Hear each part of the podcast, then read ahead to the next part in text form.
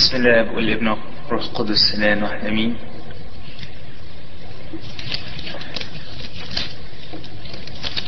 في سفر الأمثال الإصحاح الثامن الحكمة بتتكلم وتقول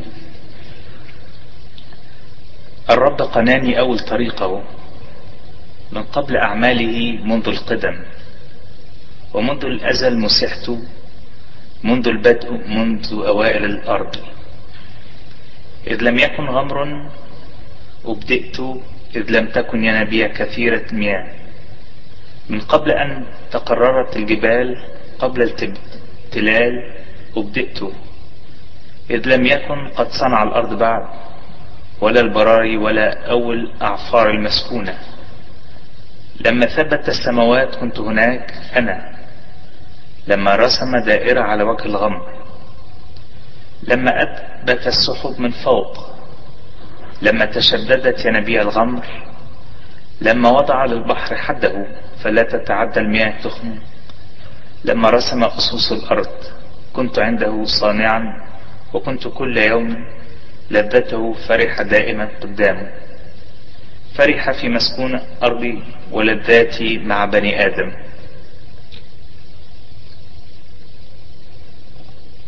اللي من البدء زي ما بيقول لنا القديس يوحنا في انجيله في الإصحاح الأول في البدء كان الكلمة والكلمة كان عند الله. فالكلام على الحكمة أو على حكمة الله أو نطق الله العاقل أو الكلمة وسط الخليقة دي كلها اللي كل شيء به قد كان بالمسيح يعني فهو خلق الكل وموجود في الخليقة كلها وبه خلق كل شيء وسط كل الجبال والتلال وكل الخليقة. يقول إنه لذاتي مع, في مع بني آدم. يعني دونا عن كل الخليقة مسرة الله ولذاته وأفراحه. حتى بالإنجليزي يقول my delight was with the sons of men. بهجة الله ولذاته مع بني آدم. دونا عن الخليقة كلها قد كده محبة الله للإنسان إنه لذاته ومسراته مع بني آدم. دونا عن كل الكون ده. الأرض والبحر والمسكونة وال... والأرض اللي حددت ال... الينابيع والحد حط حد للمياه. كل ده لذاته مع بني آدم مش مع أي من الخليقة دي كلها.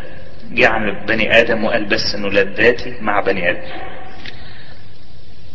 الآباء يقولوا إنه أي فعل في الحياة مصير الزوال. أي فعل في الحياة هيجي له وقت وينتهي مش مش هيتواجد. كل أفعال الحياة هتخلص وتنتهي. هيجي وقت مش هيبقى فيه. زي ما كل عناصر الخليقة هتنحل هيجي وقت إن كل أفعال الحياة مش هيبقى فيها. يبقى يتواجد فعلين مهمين جدا دول يستمروا حتى بعد انتهاء كل اللي خلقه الله كل الخليقة دي كلها هيبقى في فعلين مهمين قوي دول ملهمش نهاية. محبة الله للإنسان ولذاته ومسرته بالإنسان لأنها نبعة من إحنا بنقول القديس يوحنا بيقول في رسالته إن الله محبة. طبيعة الله مش صفة الله مش إحنا نقول فلان عنده محبة أو ما عندوش محبة أنا عندي محبة وعندنا صفة المحبة لكن على العكس من كده الله نفس كيانه وطبيعته هي محبة. الله محبة. المحبة مصدرها الله. بدون الله ما فيش محبة. ففعل محبة الله للإنسان ده فعل من الأفعال اللي هيستمر إلى الأبد. ده ملوش فعل مش, مش هيخلص وينتهي بعكس كل الأفعال اللي في الحياة يقابله من جهة الإنسان الفعل الثاني اللي برضه هيستمر إلى الأبد هو التسبيح أو الصلاة أو الاتصال بالله المستمر. الله يحب الإنسان ولذاته مع بني آدم ودي هتستمر الأبد ومن جهة الإنسان التسبيح أو الصلاة الدائمة ده برضه حتى بعد انتقالنا من العالم هنا إلى الأبد يستمر التسبيح بدون انقطاع زي طغمات السمائيين كلها اللي بيسبحوا بلا فتور بلا سكوت. إلى إمتى؟ إلى مدى الدهور. مفيش, مفيش وقت يوقف فيه التسبيح. برضو فعل التسبيح وفعل الشكر أو الصلاة من جبنا من الإنسان ده الفعل الثاني اللي برضه هيستمر. فالفعلين الأساسيين اللي هيفضلوا يستمروا الله يفضل يحب الإنسان ويجد لذاته مع بني آدم والإنسان يجد برضه مسرته وفرحه وأفراحه كلها بعيد عن الله مش هيلاقي الكلام ده. بعيد عن اتصاله بالله ووجوده في حضرة الله دائما مش مش هيكون فيه لذة أو أفراح. وده ما يجيش غير عن فعل الصلاة أو التسبيح الدائم.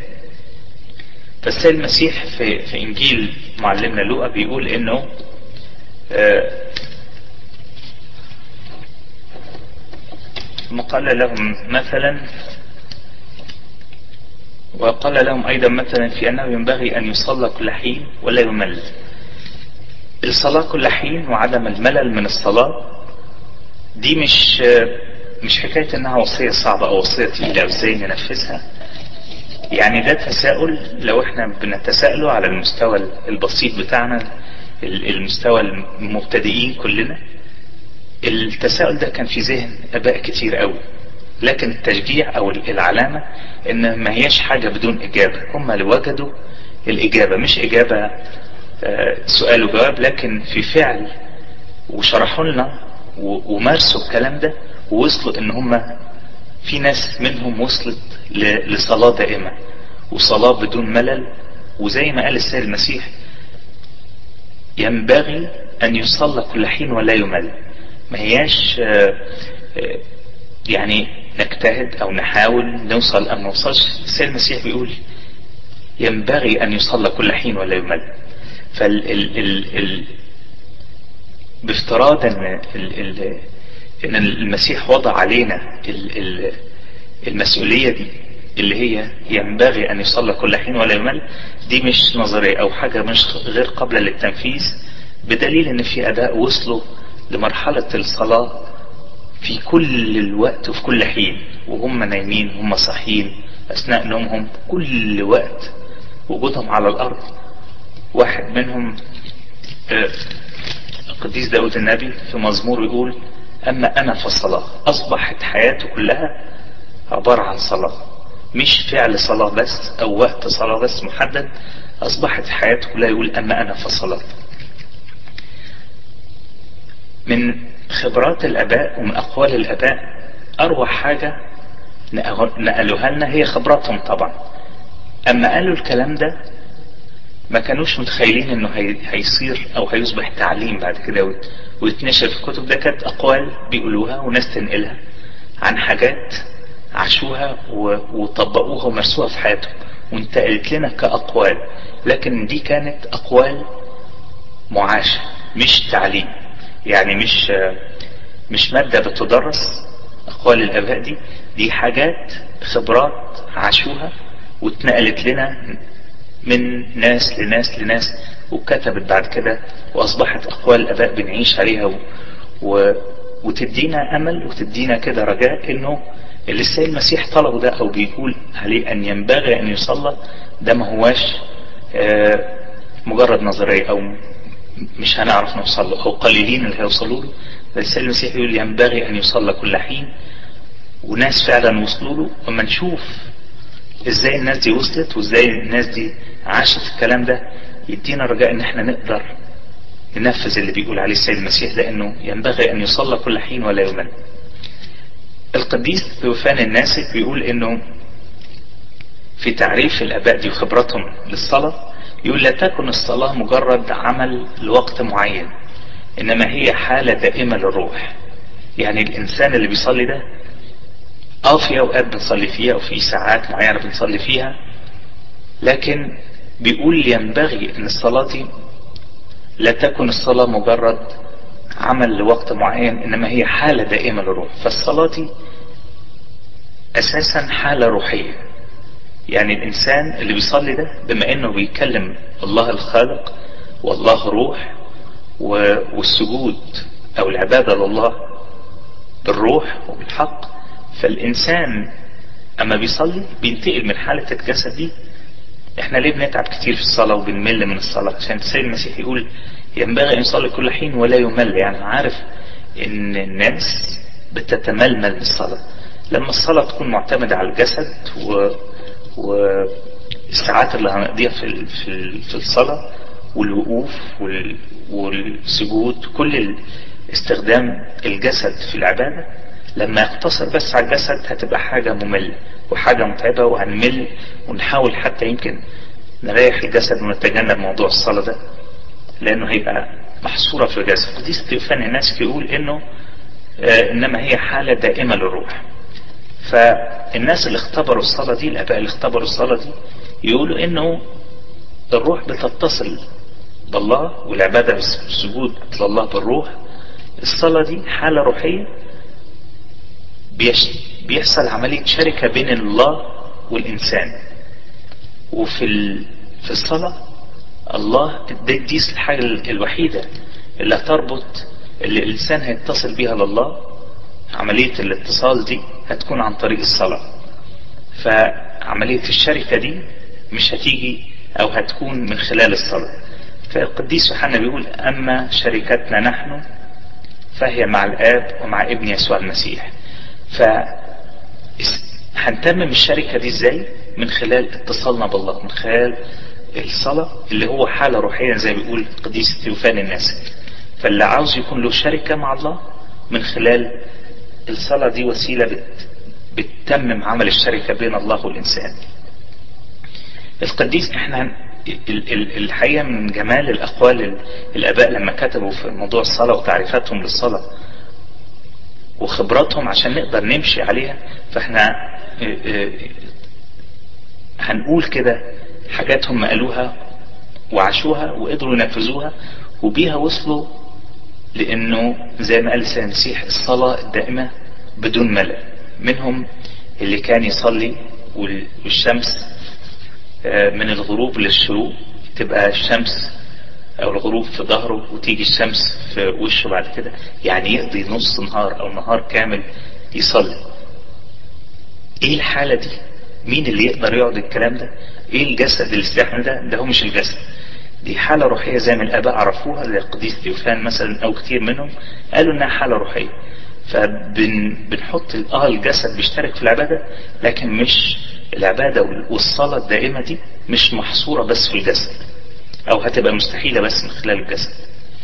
القديس باسيليوس الكبير يقول الصلاة التصاق بالله في جميع لحظات الحياة.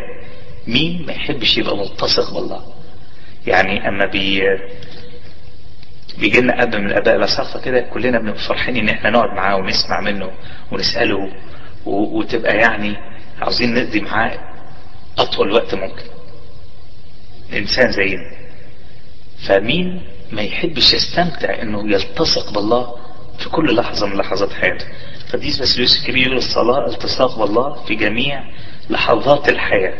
يعني برضه مش محصورة في وقت معين. ومواقفها. فتصبح الحياة صلاة واحدة بلا انقطاع ولا إضراب. يعني إزاي الإنسان زي ما بيقول داود النبي كده أما أنا فصلاة إزاي حياتي تتحول إلى الحياة بتاعتي كلها هنا على الأرض تتحول إلى صلاة دائمة بلا انقطاع ولا إضراب؟ يعني ما فيهاش interruption يعني؟ قديس باسيليوس الكبير يقول إنها التصاق بالله فما التصاق بيه مش في ساعات معينة من النهار أو في أوقات معينة أو حضوري اجتماعات روحية أو حضور القداس. ده عاوز التصاق في جميع لحظات الحياة ومواقفها مش ساعات معينة. كل لحظة في الحياة وكل موقف في الحياة يبقى محوره الله والتصاقي وارتباطي بالله. فنقدر حياتنا كلها تتحول لصلاة واحدة دائمة بدون انقطاع ولا إضراب ما فيهاش أي توقف. القديس ده يفهم يقول إنه تأكد أنك لا تحد صلاتك بجزء معين من اليوم. اتجه إلى الله اتجه إلى الصلاة في أي وقت. يعني السيد المسيح لما طلب مننا أو ما بيقول ينبغي أن يصلى كل حين إنه لذاته مع بني آدم بيتمتع بحياة الشركة معانا مش على مستوى الجسد على مستوى الروح. ويحب إن إحنا في كل لحظة يعني لذات لذة الله أو لذاته مع بني آدم دي مش شوية يبقى له أفراح ولذات ومسرات بالبني آدم ويبقى مشغول في حاجات تانية. لا الله ما عندوش تغيير في أي حاجة. لذاته مع بني آدم بدون توقف. فأفراح الإنسان و... وسعادة الإنسان هي في الوجود الدائم وبدون توقف زي ما بيقول القديس باسيليوس الكبير في كل لحظة من لحظات وموقف من مواقف الحياة ليه إحنا بنصلي مثلا قبل الأكل. نتعلم قبل ما نيجي نعمل نتمم أي عمل نصلي قبليه نعلم ولادنا قبل ما يروحوا الامتحان. يصلوا ويرسموا علامة الصليب على وقت الامتحان أي فعل وأي حركة في حياتنا تسبقها صلاة مش عشان أ... أ... الله يبارك الأكل أو عشان يكتر الأكل أو عشان أنجح في الامتحان أو عشان مش عشان أتمتع بحاجة جسدية. ده أنا في كل لحظة وكل موقف موقف حياتي عاوز يبقى لي شركة مع الله.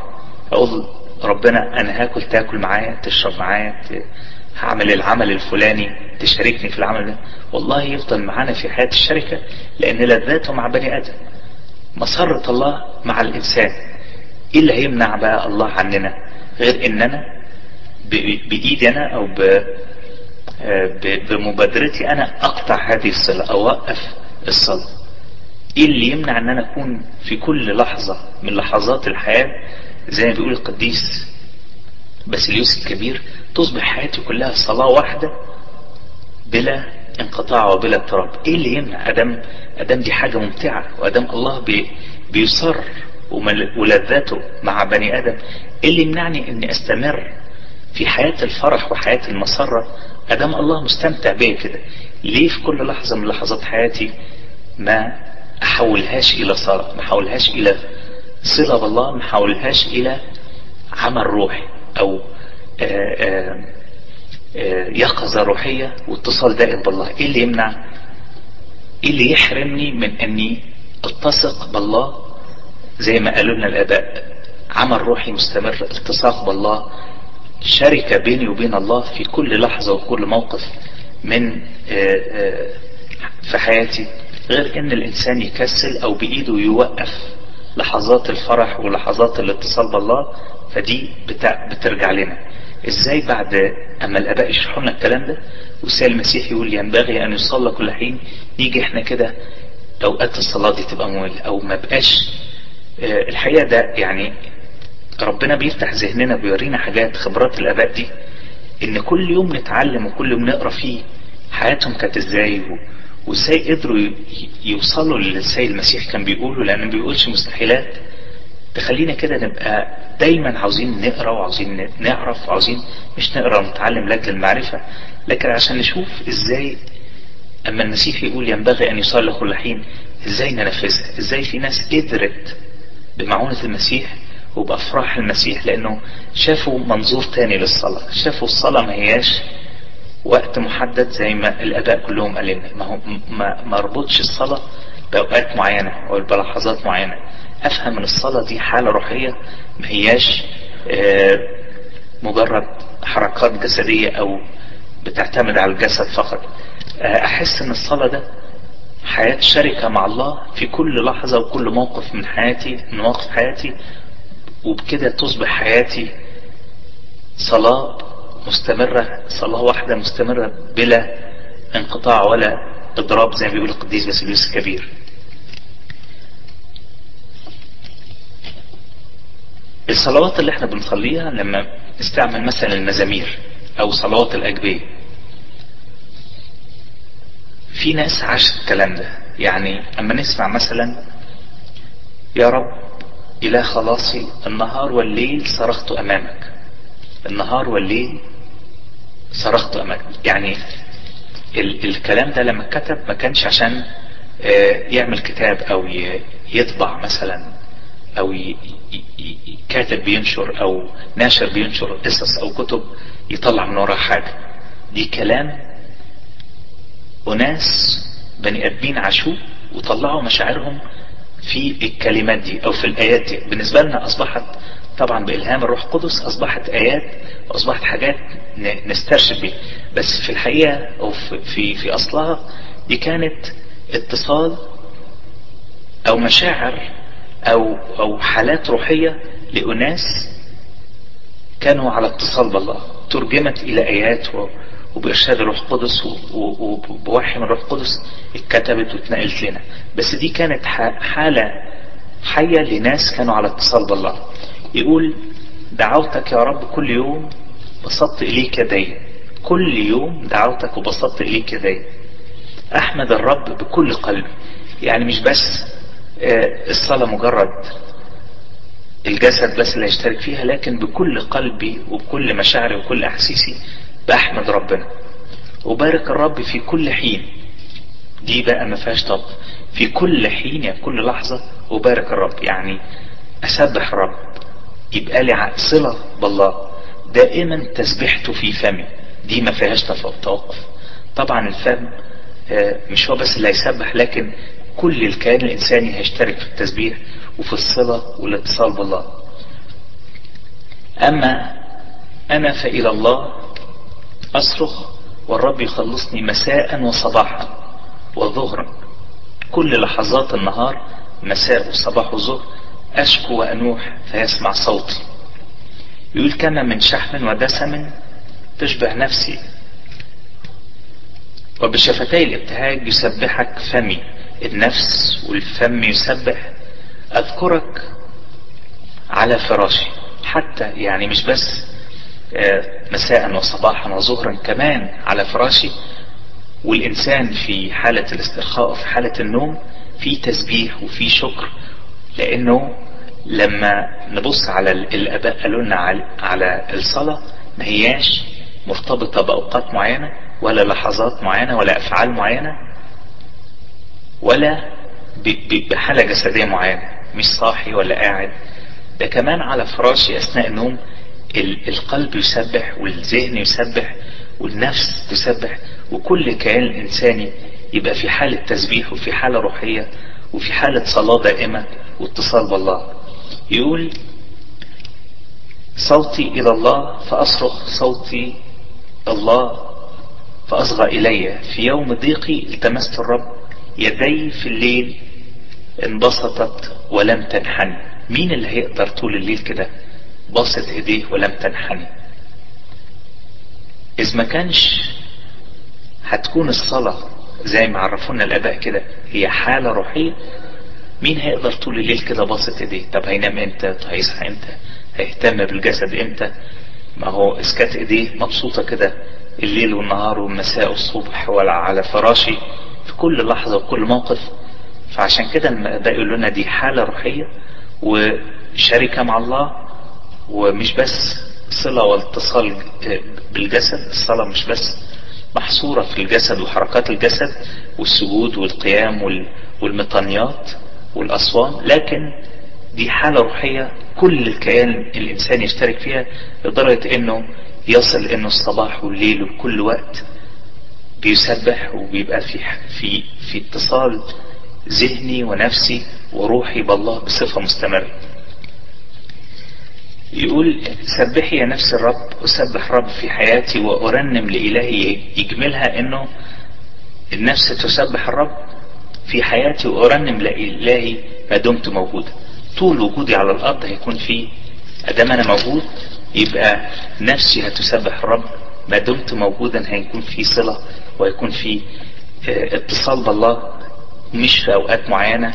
ولا يعني الكنيسة لما تنظم لنا لترجيات أو قداسات أو عبادة جماعية أو صلوات الأجبية مثلا بمزاميرها وبالأناجيل بتاعتها وبالقطع التأملات في المزامير وفي القطع. كل ده آه مطلوب واتجاه وتدريب كويس إن الإنسان يستمر بدون انقطاع في الصلاة. ويساعد الإنسان ويرفع الإنسان إنه فعلا لما يكون كده يلهج نهارا وليلا. سبع ساعات ولا سبع مرات في النهار سبحتك على أحكام عدلك. الذهن والنفس والفكر يبقى فين بعد كده؟ يبقى الإنسان يجيله مثلا أحلام إيه؟ أو وهو نايم يكون ذهنه فين؟ ونفسه فين؟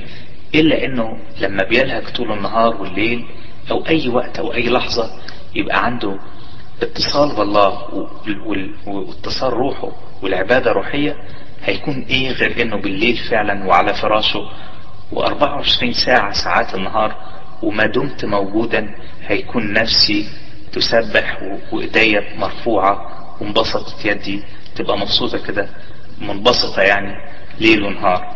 فالعملية مش زي ما شرحوا لنا الاباء ما هياش عملية وقت أو كلمات أو صلوات محددة. آه الصلوات مطلوبة والعبادة الجماعية مطلوبة والصلوات الأجبية مطلوبة وكل ده مطلوب. لكن ده عشان يوصلني إنه العبادة تكون بالروح والاتصال بالله لأنه السجود لله بالروح وبالحق. فلابد إن الروح والنفس تشترك في التسبيح ونقدر نوصل زي ما بيقول السيد المسيح ينبغي أن يصلى كل حين ولا يمل. الكلمات اللي قريناها دي أو الأعداد دي أو الآيات اللي قريناها دي مش واحد كتبها عشان يكتب كتاب. دي كانت حالة روحية تعبير عن مشاعر إنسانية أو مشاعر جوه النفس الإنسانية. كتبها طبعا واحد زي داود مثلا أو غيره كتبوا كتير من المزامير والصلوات.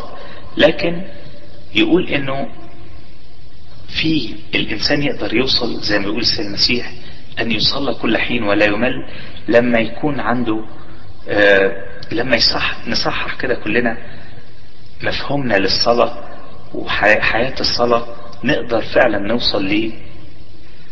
إن إحنا نصلي كل حين ولا نمل. القديس سلفان الناسك برضو كتب يقول إنه في مرة سأله القديس باسيليوس الكبير اجابته على السؤال ده. إزاي الإنسان لأن إحنا التساؤل ده أو التحير ده ده مش في ذهننا إحنا بس. إزاي نصلي كل حين؟ دي مش مش إحنا اللي تساءلنا فيها بس. ده آباء كبار كتيرة خدوا جهاد وخدوا خبرات وحياة في كل لحظة من حياتهم لحد ما فعلا قدروا يبقى ليهم اتصال وحياة صلاة دائمة بدون ملل وبدون انقطاع. فلما سألوا القديس باسيليوس الكبير كانت إجابته يقول كيف استطاع الرسل أن يصلوا بلا انقطاع؟ كانت إجابة القديس باسيليوس الكبير يقول إنهم في كل شيء كانوا يفعلونه يفكرون في الله عائشين في تكريس دائم لله. أي فكر أي حاجة يعني الحياة مش محورها أنا ونفسي وذاتي وإزاي أعيش وإزاي أكبر وإزاي أربي عيالي وإزاي مش محورها أنا. محور الحياة البيفوت أو اللي بيحرك الحياة بتدور حوالين إيه؟ الأكس الرئيسي في حياتي الله مش أنا. فبيقول إن الاباء الرسل وصلوا لل, لل... لل... حياة الصلاة الدائمة دي لأنهم في كل شيء كانوا يفعلونه يفكرون في الله. أي حاجة يعملها أي لحظة من لحظات حياته أي فعل من أفعال حياته يفكر في الله. الله في الموقف ده الله بيبارك العمل ده الله بيبارك الكلام اللي هقوله ده. أي حاجة كان دايما الله هو المصدر والله هو الركيزة بتاعت فكره وحركاته وأفعاله. عايشين في تكريس دائم لله. يعني مش مجرد تكريس لخدمة معينة أو تكريس ل... إن يصبح خادم أو يصبح كاهن أو يصبح له تكريس أو أو تخصيص معين لكن ده حياتهم كلها كانت مكرسة دائم لله هذا الحال الروحي كان برضو يقول إنه حال روحي كان صلاتهم التي بلا انقطاع. الحالة الروحية اللي وصلوا لها لأنه محور حياتهم ومحور تفكيرهم ومحور أفعالهم كان هو الله. فأصبحت حياتهم صلاة بلا انقطاع. والحياة كلها تتحول فعلا إلى أن يصلى كل حين ولا يمل. لما تكون محور حياتي وفكري هو الله أقدر أوصل. حالة الصلاة دائمة بدون ملل وبدون انقطاع. حاجة تانية تشجعنا حلوة قوي ال... ال... الآباء برضو بخبراتهم وصلوا لها واكتشفوها يقولوا إنه الصلاة انفتاح على قوة الله. يعني يتكشف كده قدامنا قوة الله. قوة الله الفعالة غير المنظورة وغير المحسوسة. الصلاة هي انفتاح على قوة الله الفعالة غير المحسوسة وغير المنظورة يعني من خلال الصلاة الإنسان يقدر ينفتح و, و, و بصيرته الداخلية كده وبصيرته الروحية تنفتح على قوة الله الغير محسوسة وغير منظورة لأن الله روح فقوة الله قوة روحية. إزاي أدركها وإزاي تنفتح عيني عليها وإزاي ينفتح مشاعري كلها على قوة الله الغير منظورة وغير المحسوسة من خلال الصلاة. فالإنسان لا يمكن أن يخرج من أمام الله بدون تغيير جوهري وبدون تجديد. كل وقفة صلاة أدرك أن أنا واقف قدام الله الخالق وتنفتح نفسي وتنفتح مشاعري وذهني وتنفتح روحي كده. على قوة الله غير المحسوسة وغير المنظورة واخد من قوة الله ويحصل لي تجديد وتغيير. في كل لحظة صلاة فاسكان بقى أنا بصلي مثلا أوقات معينة في النهار بخصص أوقات معينة عشر دقايق وربع ساعة ونص ساعة وساعة قبل أنام وحدد كده من 24 ساعة أقول نصيب الله أو نصيبي في الصلاة أو جزء اللي هتصل بيه في الله هو ينحصر في ساعة أو اتنين. لما أسمع الكلام ده وأسمع إن أنا بالصلاة هينفتح الإنسان على قوة الله غير محسوسة غير منظورة يبقى الإنسان حالته تبقى عاوز إيه يبقى عاوز يعمل إيه غير إنه فعلا يصلي ليل نهار؟ وصلاة بدون قطاع وبدون ملل وبدون وتتحول حياتنا كده كلها إلى اتصال بالله لأن هنشوف وهنعاين قوة الله. كل مرة أخرج من الصلاة ما مش هتبقى أوقات بقى معينة يبقى ذهني كده كل حياتي ومحور حياتي وتفكيري في أي خطوة زي ما سأل القديس باسيليوس الكبير قال ان حياتهم وتفكيرهم آه إنهم في كل شيء كانوا يفعلونه ويفكرون في الله. فما يكون محور حياتي هو الله هتتحول فعلا حياتي وأفعالي وكل كياني إلى صلاة مستمرة ليل مع نهار لأن محوري ومحور اهتمامي وتفكيري في كل الأفعال البشرية وفي كل الأفعال الجسدية هيكون الركيزة أو المحور أو الفوكس على الله وتتحول فعلا حياتنا إلى صلاة دائمة بدون قطاع. فقال لهم المثل ده نكمل في في, في إنجيل القديس لوقا الإصحاح 18 قال لهم على المثل المرأة دي اللي كانت بتصلي بلجاجة راحت للقاضي بالرغم إنه قاضي ظالم لكن كان في لجاجة يعني حاسة إنه طلبها عند الراجل ده. مين اللي في البلد هيحل لها مشكلتها؟